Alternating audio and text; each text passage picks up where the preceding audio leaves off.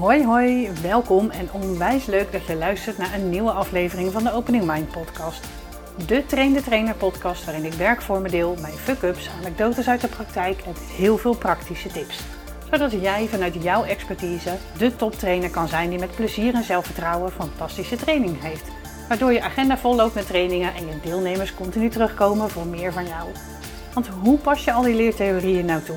Of wanneer juist niet?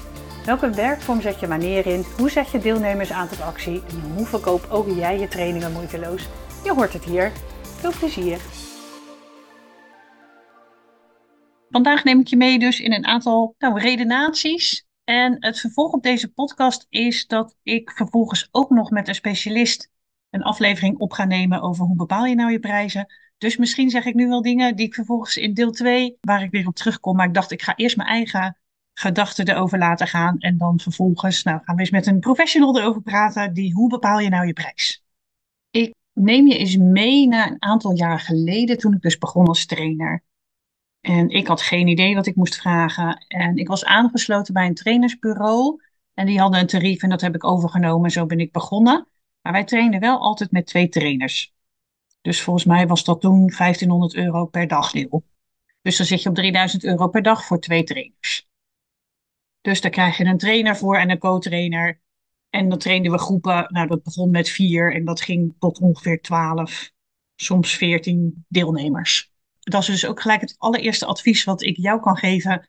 In je offerte reken je altijd terug naar de prijs per deelnemers. Dus je zegt, de training kost bijvoorbeeld 3000 euro per dag. Dat betekent bij 10 deelnemers 300 euro per deelnemer.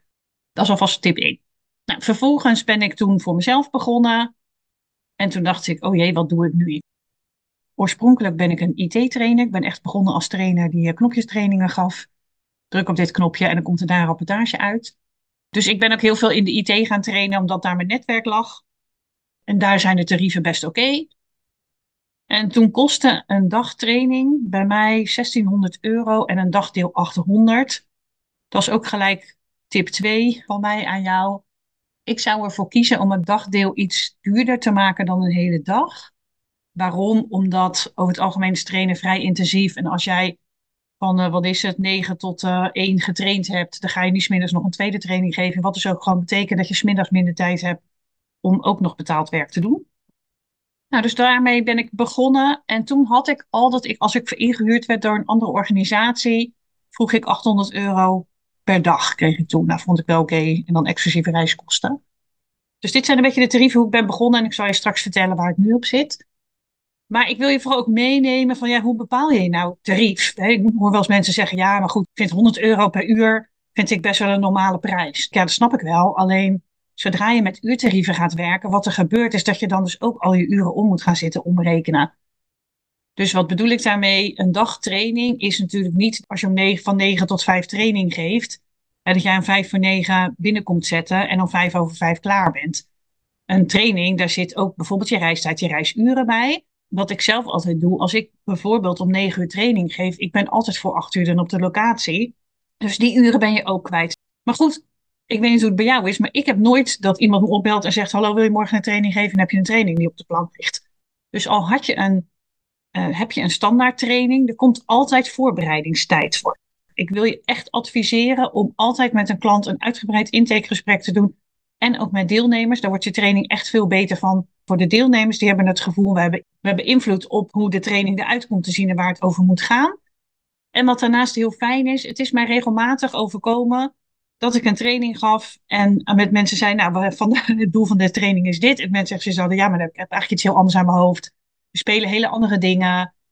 Hoezo moet ik feedback geven? Onze directeur, uh, die kan helemaal niet omgaan met kritiek, et cetera. Dus er waren vaak een heleboel andere dingen aan de hand. Dus ik wil je echt adviseren om als een organisatie jou uitnodigt, wil jij een training geven bij ons? Ook te zeggen, dat kan. En ik wil graag een uitgebreide intake met zowel de opdrachtgever als ook met minimaal twee deelnemers. Zodat je dus kan toetsen, nou, wat, waar ligt nou precies de leerbehoefte? Die tijd moet je natuurlijk ook investeren. Al zou het een ideale situatie zijn dat de opdrachtgever zegt, ja hoor, tuurlijk, kom morgenochtend maar langs. En ik zorg dat alle drie de mensen die je wil spreken, dat je die achter elkaar kan spreken. Ben je dus per definitie daar ook al een dagdeel aan kwijt. Vervolgens, misschien wil je iedereen wel uitnodigen om dan in ieder geval ook nog schriftelijk aan te geven wat ze uit zijn training willen halen of waar het over zou moeten gaan. Je moet het intakeformulier maken, je hebt e-mailadressen nodig, je maakt misschien zelf wel de uitnodigingen. Weet je, dus er moet gewoon best wel veel aan, ook nog aan administratief werk gebeuren, waar je dus ook tijd voor rekent. En dan als het dus geen maatwerktraining is, maar je hebt hem op de plank liggen, dan nog zal ik altijd ervoor zorgen dat ik hem van tevoren doorneem, dat ik erover nadenk. Moet ik ergens nog wat aanpassen? Is hij nog zoals ik wil? Nou geef ik eigenlijk vrij weinig standaard trainingen. Ik geef vooral maatwerktrainingen. En ja, ik maak niet een training in een uurtje. Natuurlijk zijn er wel een aantal dingen die ik terug laat komen. Maar over het algemeen ben ik best minimaal een dag kwijt aan een training. En dus ook al die tijd zul je mee moeten rekenen in de kostprijs van je training. Dan komt er daar ook nog een heel stuk voor.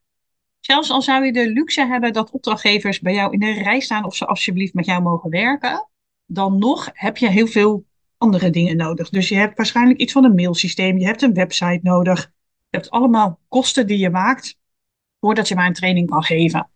Dat is natuurlijk niet alleen de kosten die je maakt, maar ook de tijd die je eraan besteedt. Dus je hebt ook nog weer een kostprijs. Nou, ik werk heel veel met materiaal. Dat materiaal moet ik inkopen. Bijvoorbeeld een van de dingen die ik doe, ik geef wel eens mapsteltrainingen. Dat is een, een laag die bovenop disk uh, ligt. Daar gebruik ik profielen voor.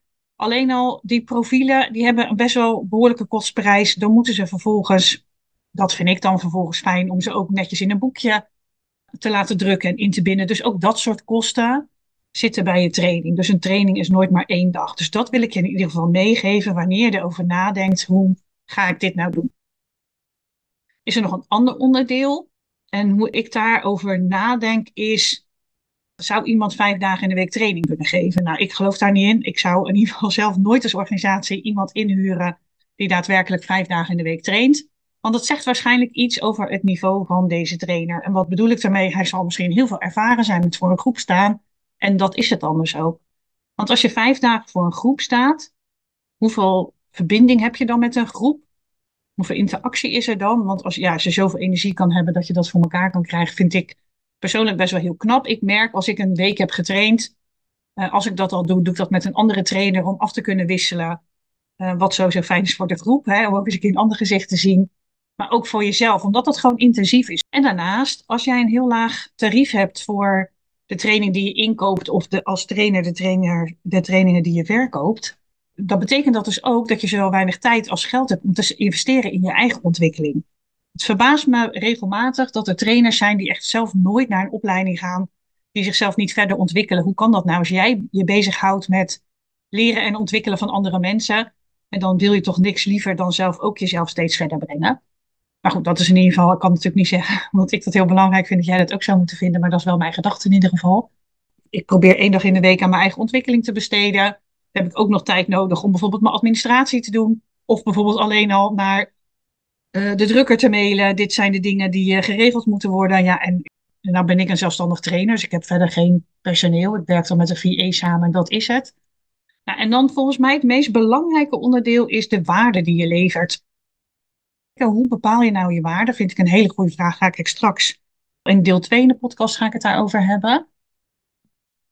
Maar als ik kijk naar hoe ik dat nu zelf doe, dan denk ik, ja, ik neem best wel een aantal jaar ervaring mee. Ik heb heel veel organisaties gezien die ik dus met elkaar kan vergelijken. Ik weet ontzettend veel op het gebied van trainen, maar ook op het gebied van communicatie, van leiderschap. Dus ik weet ook heel veel van de inhoud en ik weet heel veel over hoe ga je nou trainen en ik heb daar veel ervaring in.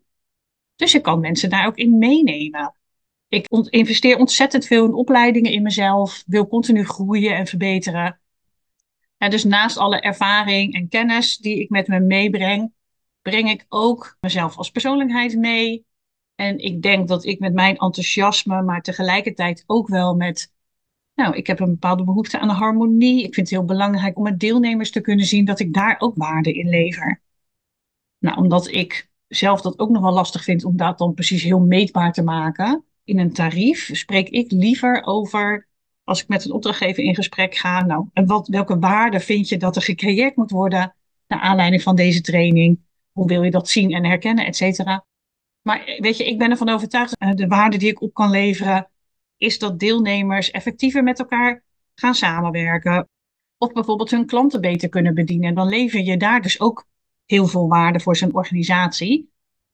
En wat ik wel eens merk is dat organisaties kiezen voor, wij doen gewoon een steen in de put droppen. We pompen er een paar opleidingen in bij iedereen. Iedereen moet door dezelfde wasstraat van uh, opleidingen. Uiteindelijk komt het vast wel goed. Dat is natuurlijk één manier. En ik vergelijk dat altijd met een steen in de waterput gooien. Hè. Hij komt misschien best diep, je hoort een echo. Het echo nog wat na en daar blijft het bij. En wat ik als organisatie zou wensen, of wat ik in ieder geval organisaties toewens, is dat je, dat je kijkt vanuit hey, wat zijn nou de doelstellingen van onze organisatie? Waar willen we over twee, drie, vier jaar staan? Wat betekent dat dan voor nu? Hoe moet, waar, hè, waar kunnen onze mensen zich dan verder in ontwikkelen? En dat je het opleiden daarin dus ook heel serieus neemt. dus vanuit die doelstellingen ga je kijken wat is er nodig. Nou, stel dat er dan uitkomt, het zou een training moeten zijn dat je dan in ieder geval kiest voor een trainersmanier of een, of een trainer met een manier van trainen die ervoor zorgt dat het geen steen in een put wordt, maar dat het een steen in een meer wordt, waardoor de rimpeltjes ontstaan, die dus door het hele meer gaan uiteindelijk zo'n heel meer in beweging zetten.